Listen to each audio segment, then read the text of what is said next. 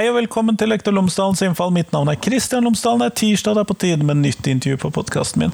Denne uken så snakker jeg med Jørgen Smedsrud, som er forsker ved NIFU, eller Nordisk institutt for studier av innovasjon, forskning og utdanning. Eh, denne uken så skal jeg intervjue han om de såkalte evnerike elevene, altså elevene med et eh, stort potensi akademisk potensial. Og vi skal snakke om hvorfor de ikke nødvendigvis alltid er skoleflinke, vi skal snakke om å tilpasse til dem, osv. Så sånn det tror jeg blir interessant. Her får de i hvert fall intervjuet. Vær så god.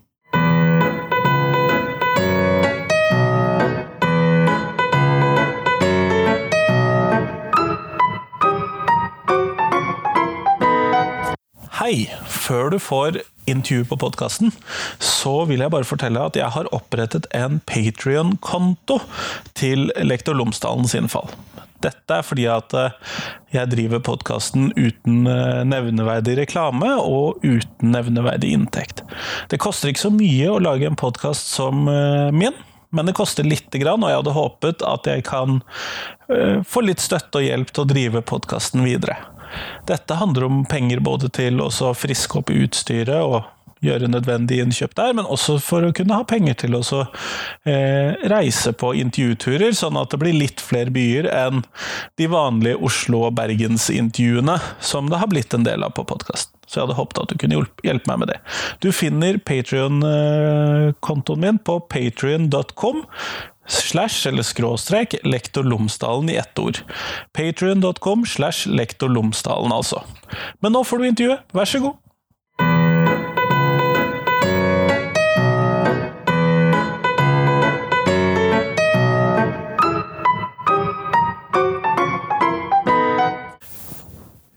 Jørgen Smedsrud, tusen takk for at du har kommet for å prate med meg i dag. Jo. For for, for at lytteren min skal bli litt kjent med deg, kunne du ha fortalt dem tre ting om deg selv? Ja, eh, jeg, ja navnet mitt sa du jo, men jeg, jeg, begynte på det studiet som jeg har studert veldig lenge. Begynte jeg på en hel tilfeldighet. Jeg hadde egentlig lyst til å begynne på historie. Eh, jeg er usedvanlig ustrukturert. Jeg har null struktur på noe som helst. Eller jeg mener jeg har en struktur, men hvis andre får innblikk i strukturen min, så er det ikke noen struktur der. Det funker i ditt hode, men Det funker i mitt hode. Og jeg spiller fortsatt Starcraft og Warcraft, som jeg tror det er eh, sikkert snart 20-25 år siden jeg har kommet. ut. Det er vel, eh, for å ha det litt andre ting enn faglig, så er det noe jeg holder på med relativt mye ennå. Eh, men du er spesialpedagog. Mm. Eh, og du har nettopp levert en doktoravhandling om spesialpedagogikk. Eller innenfor spesialpedagogiske temaer. Ja, eller jeg har skrevet Det er litt sånn Jeg er spesialpedagog, men jeg har skrevet doktorgrad i pedagogikk. Ja, nettopp. Ja, for det kan du de eh, Når du går spesped, så kan du også skrive ph.d. ped. Det er litt sånn de Ja. Du mm. kvalifiserer for begge deler, da. Ja, jeg kan se at man gjør det. God forståelse. Heter nesten det samme. Ja, eh, Men hva er det du har skrevet om? Jeg har I utgangspunktet har jeg skrevet om det ble matematisk evnerike elever, da, som er hovedtema. Men jeg har også skrevet jeg vil si en tredjedel hvor jeg egentlig skriver litt om hva i all verden det her er, på et mer sånn filosofisk eh, nivå. da, Hvor jeg egentlig stiller ganske mye spørsmålstegn rundt hele konseptet, og hva som egentlig er problemet med, å, med det vi eh, utroper som evnerike, da, og det begrepet. Hva er det nå egentlig det betyr for noe? Um, ja, og hva er det? Skal vi starte der? Hva er, hva er det vi snakker om når vi snakker om eh, evnerike elever? Nei, Hvis jeg får lov å liksom ta det filosofisk litt, da, ja, fordi jeg syns det. det er veldig spennende, så er det jo Det er eh, kulturrelativt, da. Så egentlig så, så, er jo ikke det noe på samme måten som eh, et atom er noe, da, f.eks. Så det konseptet det bygger jo på en måte ut ifra noe som vi har lagd, eller er, er knytta til en spesifikk kultur. da. For eksempel så kan du hypotetisk sett tenke deg kulturer som ikke verdsetter akademiske ferdigheter i det hele tatt. Og da vil du jo ikke nødvendigvis bli kalt evnerik fordi du er god i akademiske ferdigheter. Men i Vesten, i hvert fall, da, hvor vi i høy grad er opptatt av akademia og det å gjøre det bra, så knyttes jo gjerne begrepet opp imot intelligens. da. Så dette er elever som har særskilte evner innenfor teoretiske eller akademiske Ja, det, jeg, det jeg skriver om er i hovedsak det. Eh, akademisk evner ikke, da, som vi kaller det. Eh, men eh, de, de har jo ofte også gode sosiale ferdigheter, og det er også gjerne en sånn misforståelse for en del av de elevene. At man tenker at de er autistiske, eller at de er på Asperger-nivå. Eh, men i hovedsak ak akademiske ting. Men det er jo på en måte ikke uproblematisk det heller, fordi når man går til forskninga, så bruker veldig mange begreper giftet eller evnerike eller elever med høyt akademisk potensial, men når man går inn og ser på hvordan de, de beskriver det, så beskriver de gjennom veldig mange typer variabler som de egentlig ikke måler. Så de vet egentlig ikke så veldig Det er stort sett intelligens som blir brukt som målestokk for det, da, i forskning, selvfølgelig. Ja, nettopp sånn IQ-tallet er det som IQ-tallet er det som styrer. Nettopp. Men hva er det du fant om disse elevene? Eller hva slags type elever var det du fant i din forskning? Nei, her har jeg på en måte to her, Det er litt sånn interessant inne på det med kvalitativ og kvantitativ forskning. For at eh, hvis man liksom utelukkende ser på den kvantative forskninga, så, så er det jo kjempesammenheng mellom intelligens og prestasjoner i skolen. Altså, det, De henger i hvert fall matematikkprestasjoner, men også norsk og til dels andre fag er det høy sammenheng mellom intelligens.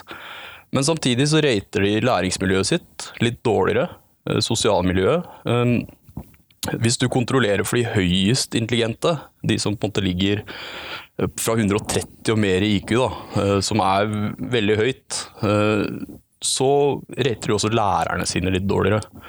Eh, Og så er jo spørsmålet hvorfor det, da. Så da er det jo interessant å gjøre en kvalitativ undersøkelse, og da da, mye av det virker som kommer av at de, de synes de får lite støtte og lite utfordring i skolen, rett og slett. Eh, Og det kan føre til at man blir umotivert. Eh, Og når det kommer til sosiale, så virker det som de de føler seg litt annerledes, da. har mindre venner, og de føler at de i mindre grad har de gode samtalene med medelever, hvor man snakker om ting som interesserer seg. Da. De interesserer seg kanskje for litt andre ting. Enn medelevene, ja. Ja. Eh, og det er jo egentlig ganske sånn grunnleggende, da, for hvis du på en måte er veldig interessert i kvantefysikk og går på barneskolen, så er det jo ikke så, mange Det er ikke så mange du kan prate med. Nei, eh, og jeg hadde jo, det blir jo masteroppgaven, jeg prata med en i masteroppgaven som han var veldig opptatt av med Hawking radiation, som eh, på en måte forklarer hvordan sorte hull ikke er helt sorte. Det er en sånn effekt da, hvor de gir litt grann tilbake til universet som gjør at de ikke er helt sorte. Og da kjenner jeg at jeg ville fada fullstendig ut hvis noen prøvde å snakke med meg om det. Ja, og jeg prøvde jo så godt jeg kunne, for det her var jo helt åpne intervjuer, så jeg måtte jo på en måte prate ganske lenge med han, men da ble det jo en time om sorte hull før vi på en måte kom inn på hvordan vi hadde det på skolen. Men da, det legger jo på en måte noe av premisset for samtalen blir jo da Det er ganske få elever som var så veldig interessert i Hawking radiation, da, blant hans medelever. Ja, jeg ville jo tro at det kanskje de samtale, At det ville være en mismatch da mellom de samtalene medelevene ville ønske å ha, og de samtalene som eleven ville ønske å ha. Ja, absolutt. Og, og, og da fremstår jo han som sosialt kjemperar, ikke sant? når han går rundt der og vil prate om det. Eh, Men til en viss grad så har de jo ofte også evnen til å tilpasse seg.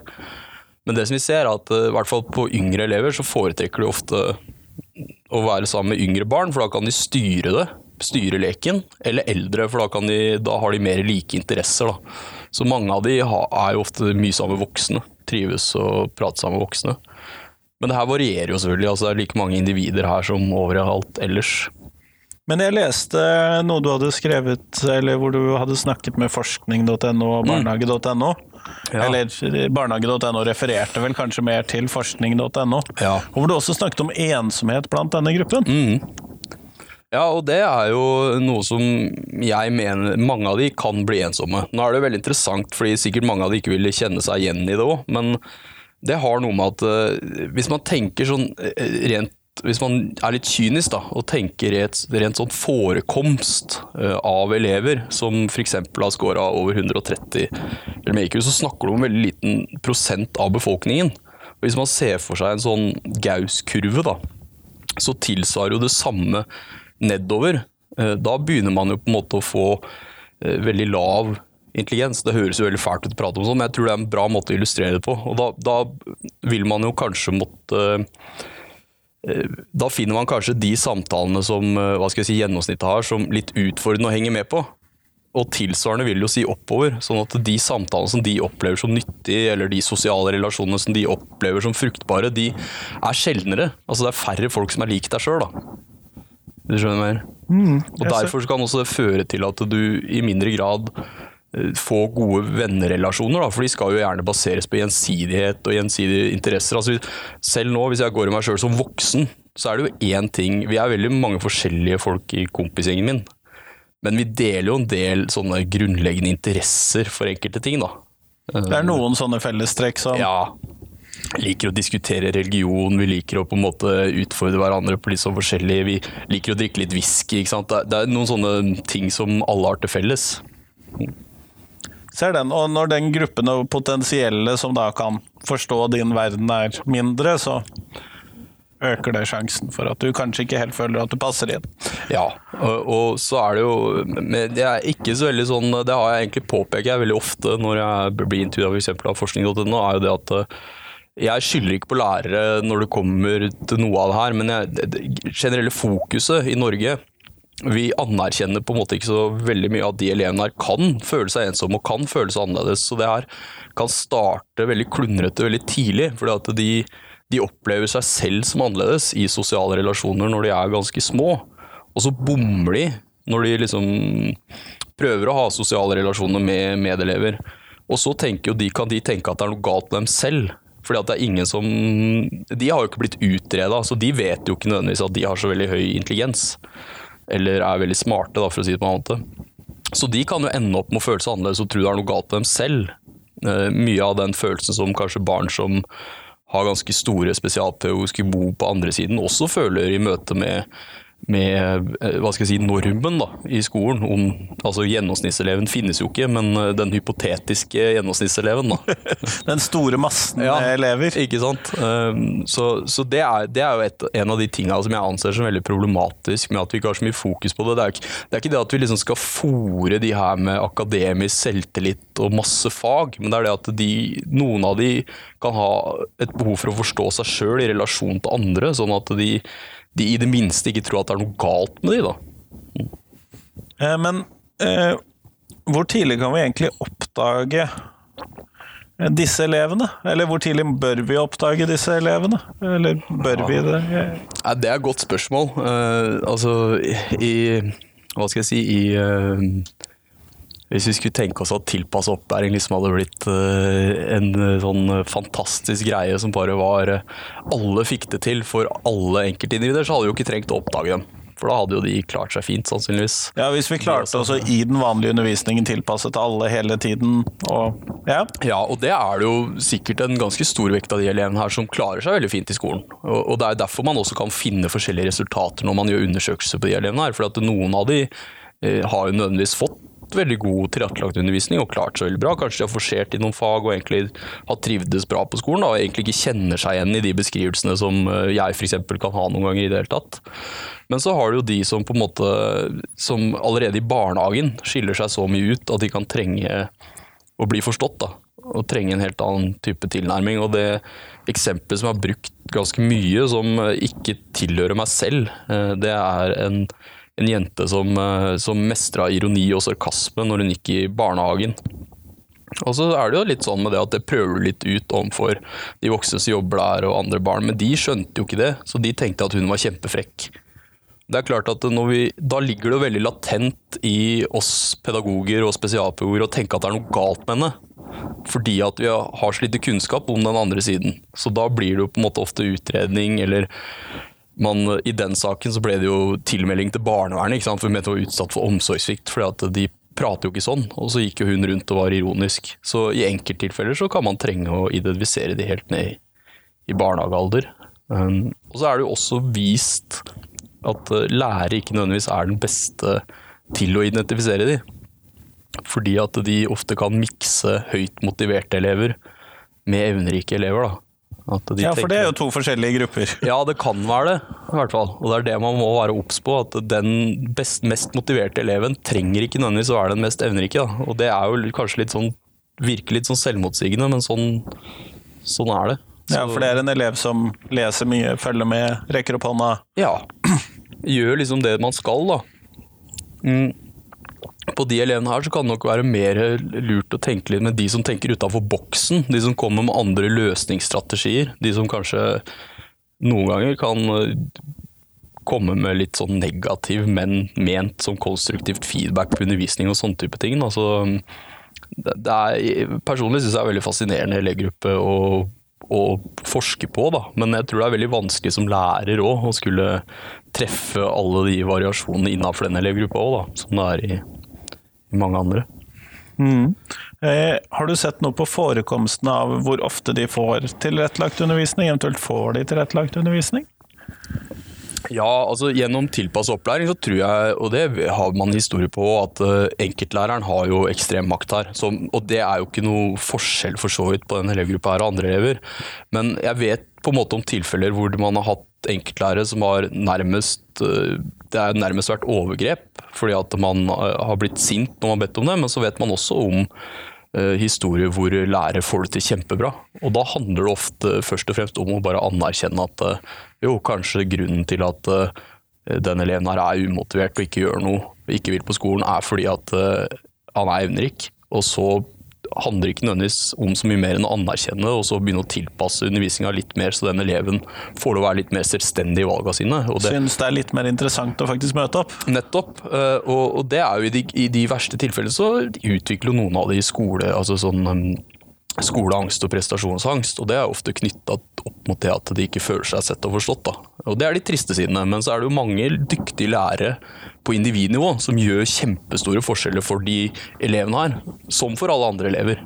Så, og det er derfor jeg tror liksom kunnskap er nøkkelen. da. Mm.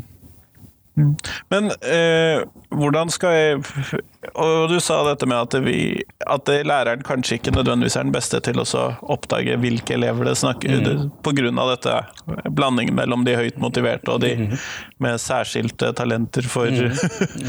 eh, akademiske fag. Men er det noen spesielle ting vi kan se etter? Er det noe som Ja, altså Det er jo liksom farlig. og Jeg husker jeg ble kritisert for det, for jeg sa en gang at å se etter kreativitet kunne spørre elevene hva, hvor mye kan du gjøre med en binders. Og så var det en rektor tror jeg, som mente at ja, men du kunne jo gjøre utallige ting med det. Men det er alltid sånn vanskelig hvis du skal gi et eksempel, ikke sant? for da tenker folk at det er fasiten. men jeg tror generelt at det er noe med den energien og interessen, og interessen som faller litt utafor boksen.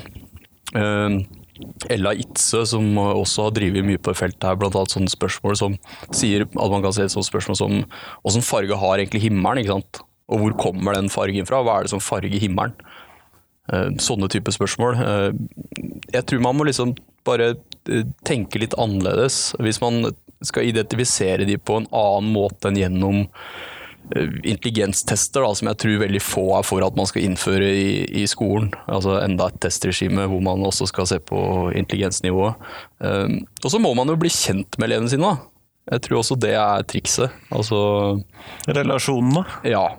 Og høre på foreldrene. Uh, foreldrene er jo kanskje en bedre um, informasjonskilde uh, for å identifisere de, da. Fordi de ser de på flere arenaer, så man burde også observere de, eller vite noe om hvordan de er hjemme. da. Der de virkelig sikkert dyrker særinteressene sine. Mm.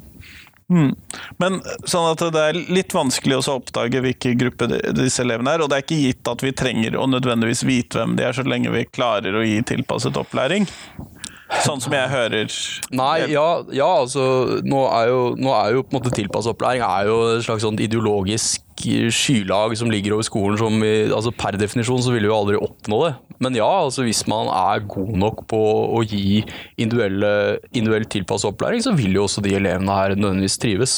Og også gi på en måte åpne oppgaver som ikke nødvendigvis har fasitsvar. altså Ikke ha så eh, deduktiv undervisning. altså Gi litt sånn rom for å, at de kan vise hva de kan. da. Eh, også type Hvis noen stiller det spørsmålet da, åssen farga himmelen, så i stedet for at du sier det skal ikke vi prate om nå, så sier du det har ikke jeg tenkt på før. Kan ikke du ta og lage et prosjekt om det? Hvorfor har himmelen de fargene, og hvorfor forandrer den fargen seg? på en måte? Sånne type ting vil jo uh, kunne få de elevene her til å blomstre i veldig stor grad. da. Og så er det jo liksom noen sånn fallgruver som man ikke skal gå i. Det er å Bruke de som assistent eller hjelpelærer og sånn type ting, da, hvis de også er akademisk veldig sterke. da. Um, så, så, ja, eh, altså dykt, dyktige lærere er på en måte de, de treffer alle elevgruppene. Det er det som er interessant. at De, de lærerne som får det til, de får du ikke bare til med de her. De får det jo til med alle elevene. Så, så ja. Mm. Vet ikke om det var et godt svar på det. Nei, nei, men jeg, jeg, tror jeg skjønte hvor, hvor du var hen. Mm. Eh, og det kan jo bli litt forvirrende for oss vanlige eh, lærere som ikke er spesialpedagoger. For det er jo ja. ganske mange forskjellige typer ting vi skal se etter, og ting vi skal være obs på, og ting vi skal tilrettelegge for. Absolutt. Eh, og dette blir jo da enda en ting å se opp for. Mm. Og det er kanskje sånn sett lettere å se på de som eh, ikke gjør noe, eller ikke ikke presterer så godt enn de som presterer veldig godt i timene. Absolutt. Og så vet jeg ikke, det er jo interessant å høre meg hva du tenker om det. for det sånn, eh, det har, Jeg har jo ikke jobba som lærer, men jeg har, har, jo erfaring med å være elev eh, på barneskole og ungdomsskole. Og jeg husker jo på en måte at når vi var uh, små, så var det jo Det var ikke så mye snakk om rettigheter da, som jeg føler det er nå. Uh, og hvis noen i klassen min på barneskolen hadde mye energi, så løp han en runde rundt skolen. Og så kalte vi ikke det spesialundervisning, men han gjorde det fordi han trengte det. ikke sant? Eh, så ting, jeg tror ting også liksom forandrer seg mer mot et sånt rettighetsperspektiv, da, hvor, man, eh, hvor, man, eh, hvor kanskje mange er veldig opptatt av hva de har rett på.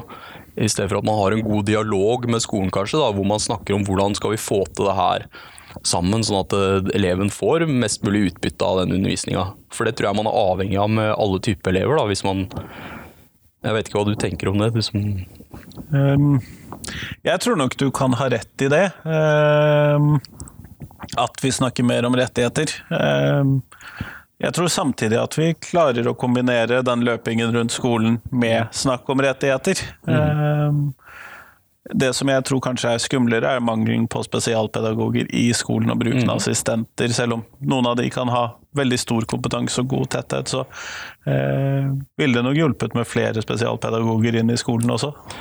Ja, og, og, det er jeg enig i. og det er interessant, jeg vet ikke, Nordahl-utvalget er jo relativt nytt, eh, og de ønsker jo tettere, tettere bånd der. Eh, og så tror jeg også at mange må se på, altså, som f.eks. PP-tjenesten, som eh, i hovedsak jobber, eller mange tenker at i hovedsak jobber opp mot sakkyndig vurdering, har jo egentlig et mye bredere nedslagsfelt. Så den spesialpedagogiske kompetansen er jo mye mer enn eh, på en måte å drive med sakkyndighetsarbeid. Det er jo også på en måte veiledning og, og sånne type ting da, som jeg tror i mindre grad blir brukt i skolen. Da. Men jeg er veldig enig i at uh, det er bra med mer Eh, spesialflyktning i skolen. Ja, det, må jeg, det, må jeg, være enig i. Programforplikta til å mene det. ja, absolutt. Og helst med det psykososiale vansker, da, for det er selvfølgelig den viktigste utdannelsen der. det er det jeg har. Det er det du har fokusert på, ja. Selvfølgelig. Uh, jo, og det er jo et viktig tema også. Uh, men vi går mot slutten av podkastintervjuet. Uh, og da lurte jeg rett og slett på, hvis du skulle ta og lage deg et nytt fag i skolen, hva skulle det hete, hva skulle det inneholde? Du kan låne skamløst fra andre fag, du kan stjele, eller du kan hente inn ny, helt nye ting inn i skolen. Hvis det skulle være ja, Det tror jeg skulle vært uh, forskning. Altså bare gi uh, elever kald fag i forskning, gi elever fritt spillerom til å utvikle hypoteser om de er funnet opp før, eller nye hypoteser. Få lov å teste de. Så et litt sånn praktisk fag, da, med andre ord? Ja, praktisk fag, fordi det, det, altså, det tror jeg altså På en måte praktisk, men ja, at du får testa nysgjerrigheten. Altså bruke liksom nysgjerrigheten din. Ikke lære svaret, men få lov å stille noen spørsmål og få lov å teste de spørsmålene dine. Altså, er det gode spørsmål, er det dårlige spørsmål, hva vet du om det er? Hvordan gjøre et eksperiment som tester det her. Det tror jeg, tror jeg ville vært et veldig spennende fag for veldig mange elever. Og da kunne kanskje eleven som er veldig opptatt av svarte hull, kunne få lov til å titte mer på svarte hull? Og... Sannsynligvis hadde vi hatt en løsning på sorte hull, da. Nei, men Kjempeflott. Tusen takk for at jeg fikk lov til å prate med deg. Jo.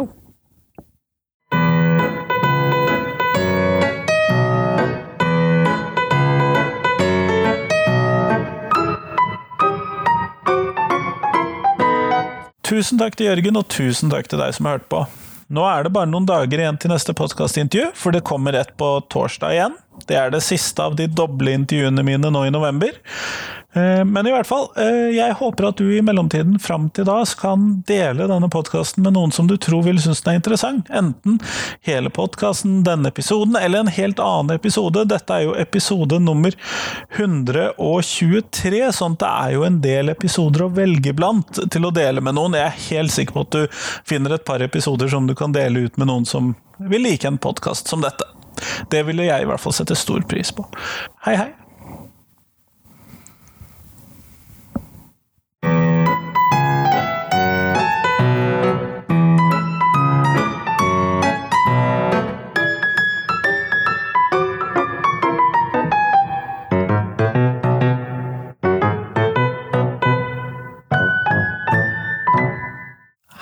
Jeg ville bare minne deg på adressen til Patrion-kontoen min før vi avslutter helt her. Og det er rett og slett patrion.com slash lektorlomsdalen. Patrion.com slash lektorlomsdalen. Tusen takk! Men det viktigste av alt, del podkasten min med noen. Det er det som hjelper meg aller mest.